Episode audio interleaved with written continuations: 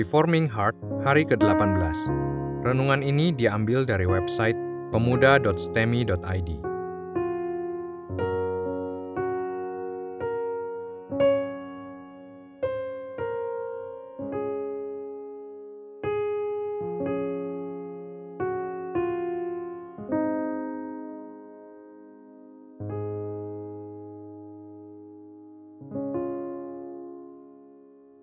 Tema renungan hari ini adalah penolakan Tuhan terhadap Saul. Mari kita membaca Alkitab dari 1 Samuel pasal 15 ayat 10 sampai dengan 35 yang berbunyi demikian. Saul ditolak sebagai raja. Lalu datanglah firman Tuhan kepada Samuel demikian.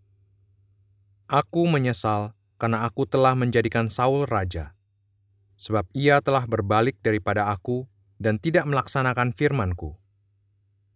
Maka sakit hatilah Samuel dan ia berseru-seru kepada Tuhan semalam-malaman. Lalu Samuel bangun pagi-pagi untuk bertemu dengan Saul, tetapi diberitahukan kepada Samuel demikian. Saul telah ke Karmel tadi dan telah didirikannya baginya suatu tanda peringatan, kemudian ia balik dan mengambil jurusan ke Gilgal. Ketika Samuel sampai kepada Saul, berkatalah Saul kepadanya, Diberkatilah kiranya engkau oleh Tuhan, aku telah melaksanakan firman Tuhan. Tetapi kata Samuel, Kalau begitu, apakah bunyi kambing domba yang sampai ke telingaku dan bunyi lembu-lembu yang kudengar itu?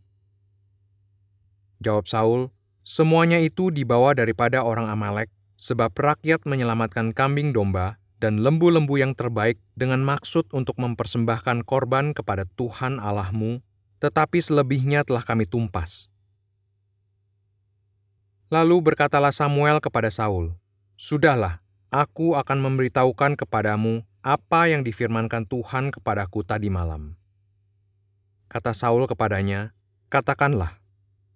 Sesudah itu berkatalah Samuel, Bukankah engkau, walaupun engkau kecil pada pemandanganmu sendiri, tetapi menjadi kepala atas suku-suku Israel?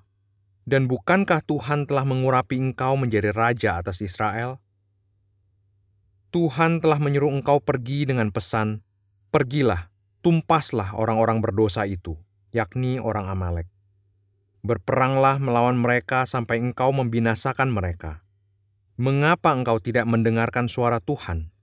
Mengapa engkau mengambil jarahan dan melakukan apa yang jahat di mata Tuhan?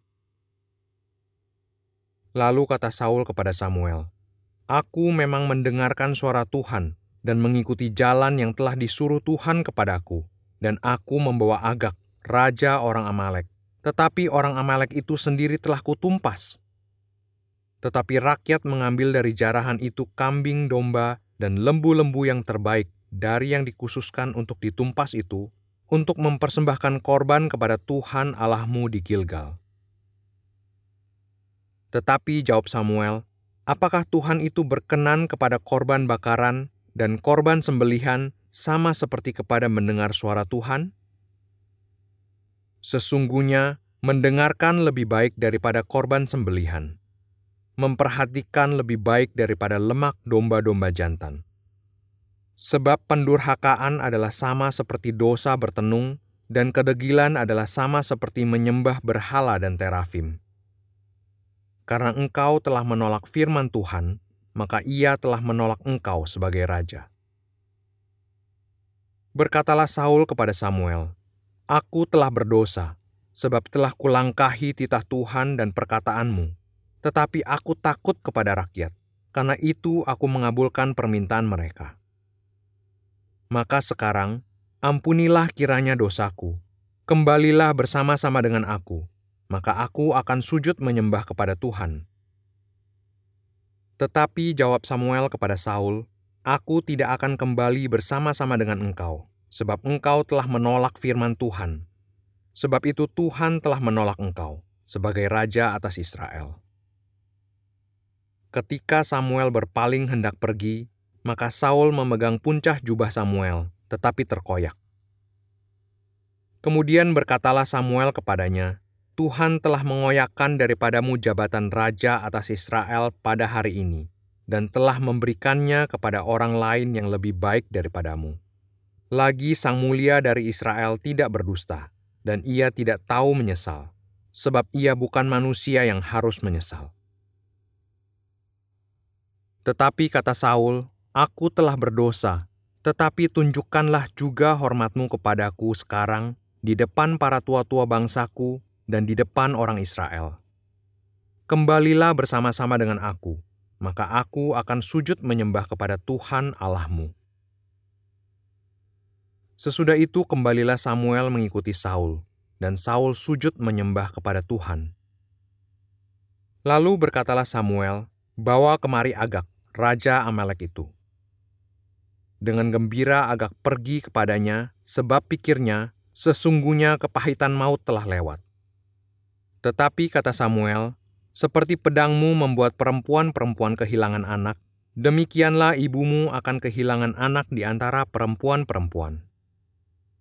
Sesudah itu, Samuel mencincang Agak di hadapan Tuhan di Gilgal. Kemudian Samuel pergi ke Rama, tetapi Saul pergi ke rumahnya di Gibea Saul. Sampai hari matinya, Samuel tidak melihat Saul lagi, tetapi Samuel berduka cita karena Saul dan Tuhan menyesal karena ia menjadikan Saul raja atas Israel.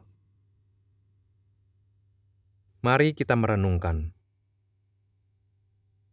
Tuhan akhirnya memutuskan untuk membuang Saul.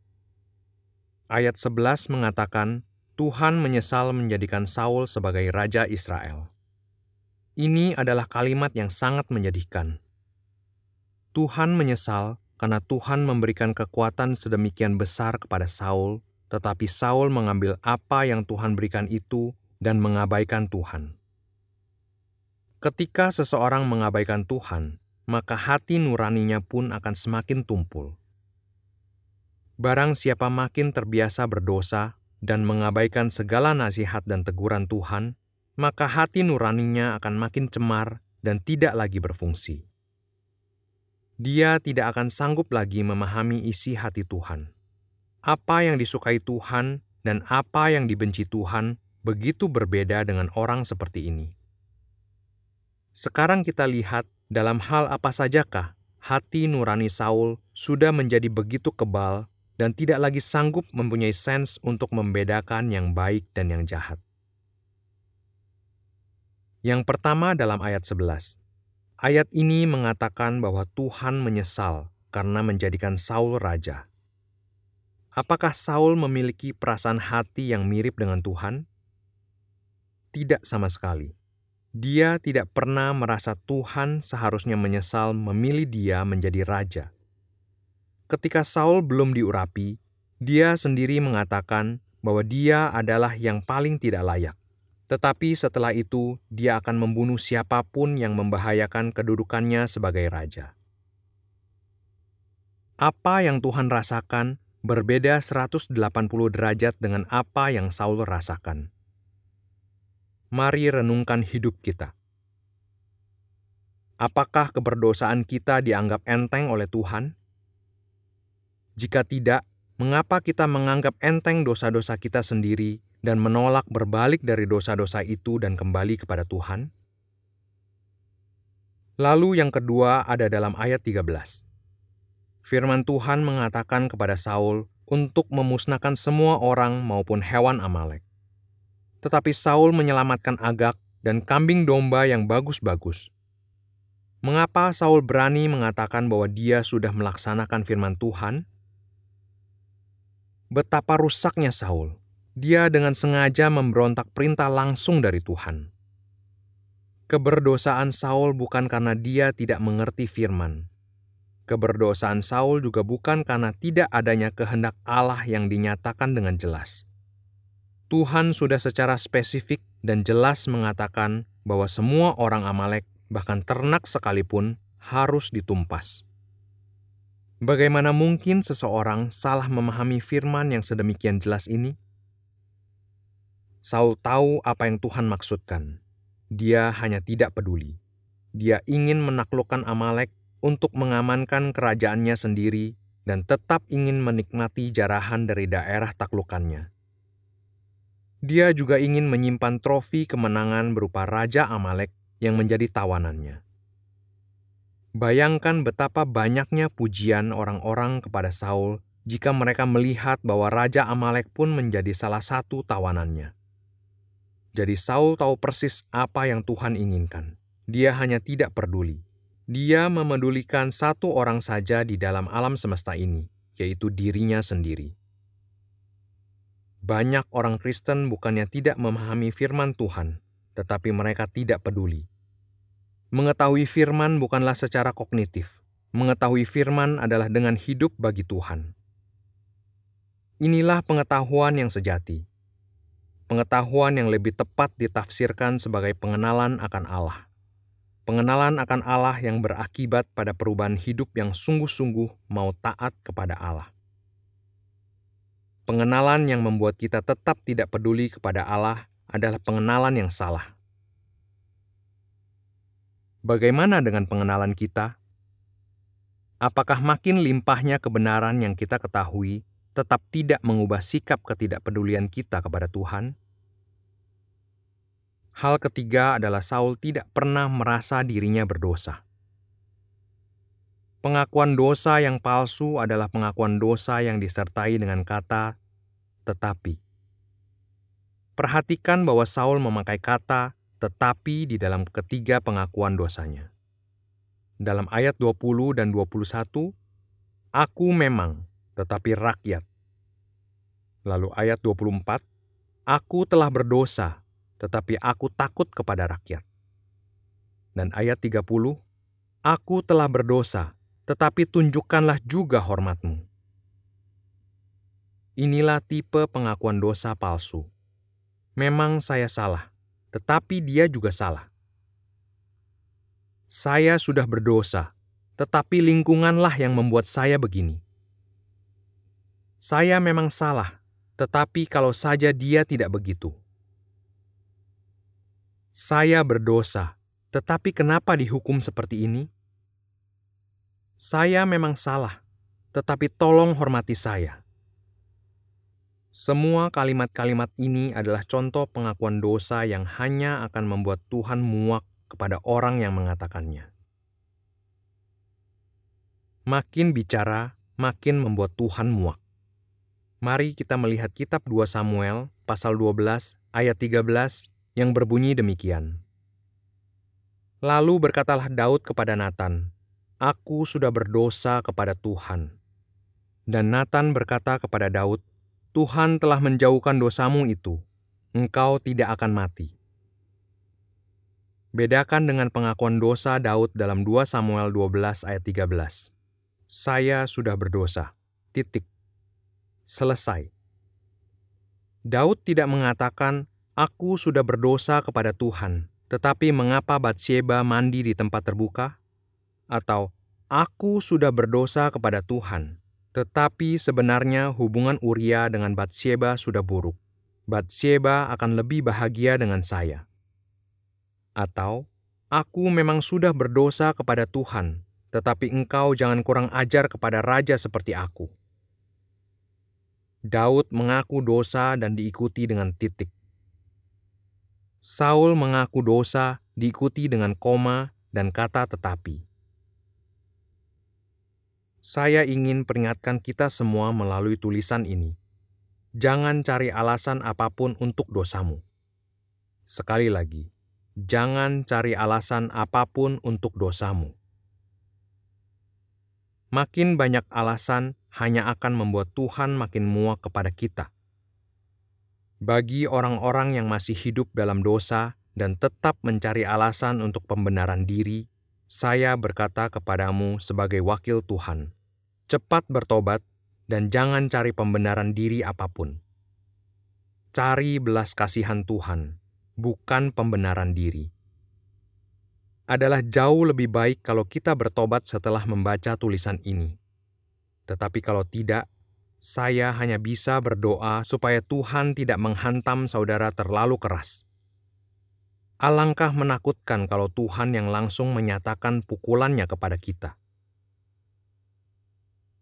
Mari kita melihat kitab Ibrani pasal 10 ayat 30 sampai dengan 31 yang berbunyi demikian. Sebab kita mengenal Dia yang berkata, "Pembalasan adalah hakku. Akulah yang akan menuntut pembalasan." Dan lagi, Tuhan akan menghakimi umatnya. Ngeri benar kalau jatuh ke dalam tangan Allah yang hidup. Tingkah Saul yang mengabaikan Tuhan membuat Tuhan menyesal mengangkat dia menjadi raja. Mengapa Tuhan menyesal? Apakah Tuhan salah pilih? Ini tidak ada kaitan dengan Tuhan salah pilih atau tidak. Raja pilihan Tuhan adalah dari kaum Yehuda, yaitu Daud. Dan raja sejati yang Tuhan sudah lantik tidak akan pernah gagal menjalankan panggilannya sebagai raja, yaitu Sang Anak Allah, Yesus Kristus. Penyesalan Tuhan tidak ada kaitan dengan kegagalan rencana Allah, tetapi penyesalan Tuhan berada pada sudut pandang tanggung jawab Saul kepada Allah. Saul tidak menjalankan apa yang Tuhan perintahkan, maka Tuhan menyesal menjadikan dia raja kedaulatan Allah tidak meniadakan tanggung jawab manusia. Tuhan memutuskan tidak lagi memberikan kesempatan kepada Saul. Sejak hari pemberontakan Saul yang tidak menjalankan perintah Tuhan untuk memusnahkan Amalek sampai kepada hari matinya Saul, Tuhan tidak lagi memberikan dia kesempatan sama sekali. Bahkan doa Samuel pun tidak menggerakkan hati Tuhan untuk memberikan Saul kesempatan berbalik ayat 11 mengatakan bahwa Samuel berseru kepada Tuhan semalaman untuk memohon pengampunan bagi Saul. Tetapi 1 Samuel 16 ayat 1, Tuhan memerintahkan Samuel untuk berhenti berdoa bagi Saul dan mulai berjalan untuk melantik raja yang baru. Inilah saat yang sangat mengerikan. Kiranya kita peka untuk tidak mempermainkan kesabaran Tuhan, sehingga Dia tidak berkata, Cukup, jangan lagi doakan, sebab aku sudah meninggalkan dia.